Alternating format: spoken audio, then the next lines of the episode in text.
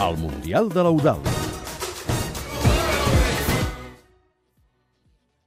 Eudal Serra, bona tarda. Bona tarda. Sentíem la Laia Tudel que ens parlava de rècords. En aquest Mundial també s'ha trencat el rècord de jugador més veterà que el disputa.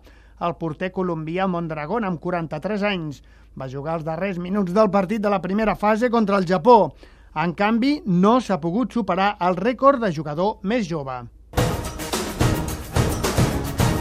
Un rècord que ja fa 32 anys que manté Norman Whiteside quan va debutar al Mundial d'Espanya del 1982 amb la selecció d'Irlanda del Nord. Va ser un 17 de juny del 1982 a l'estadi de la Romareda de Saragossa en el partit de la fase de grups que enfrontava a Irlanda del Nord i a Iugoslàvia. Norman Whiteside, una de les promeses del planter del Manchester United, tenia només 17 anys i 41 dies quan va debutar i d'aquesta manera trencava el rècord que fins llavors tenia Pelé des del Mundial del 58 a Suècia amb 17 anys i 231 dies.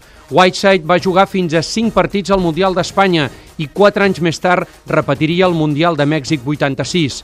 Després de 7 temporades al Manchester United, amb el qual va jugar 273 partits i va marcar 66 gols, i de dues temporades a l'Everton, Whiteside es va haver de retirar prematurament als 26 anys per culpa d'una greu lesió al genoll. Després del mític George Best, Norman Whiteside està considerat un dels millors jugadors de la història del modest futbol nord-irlandès.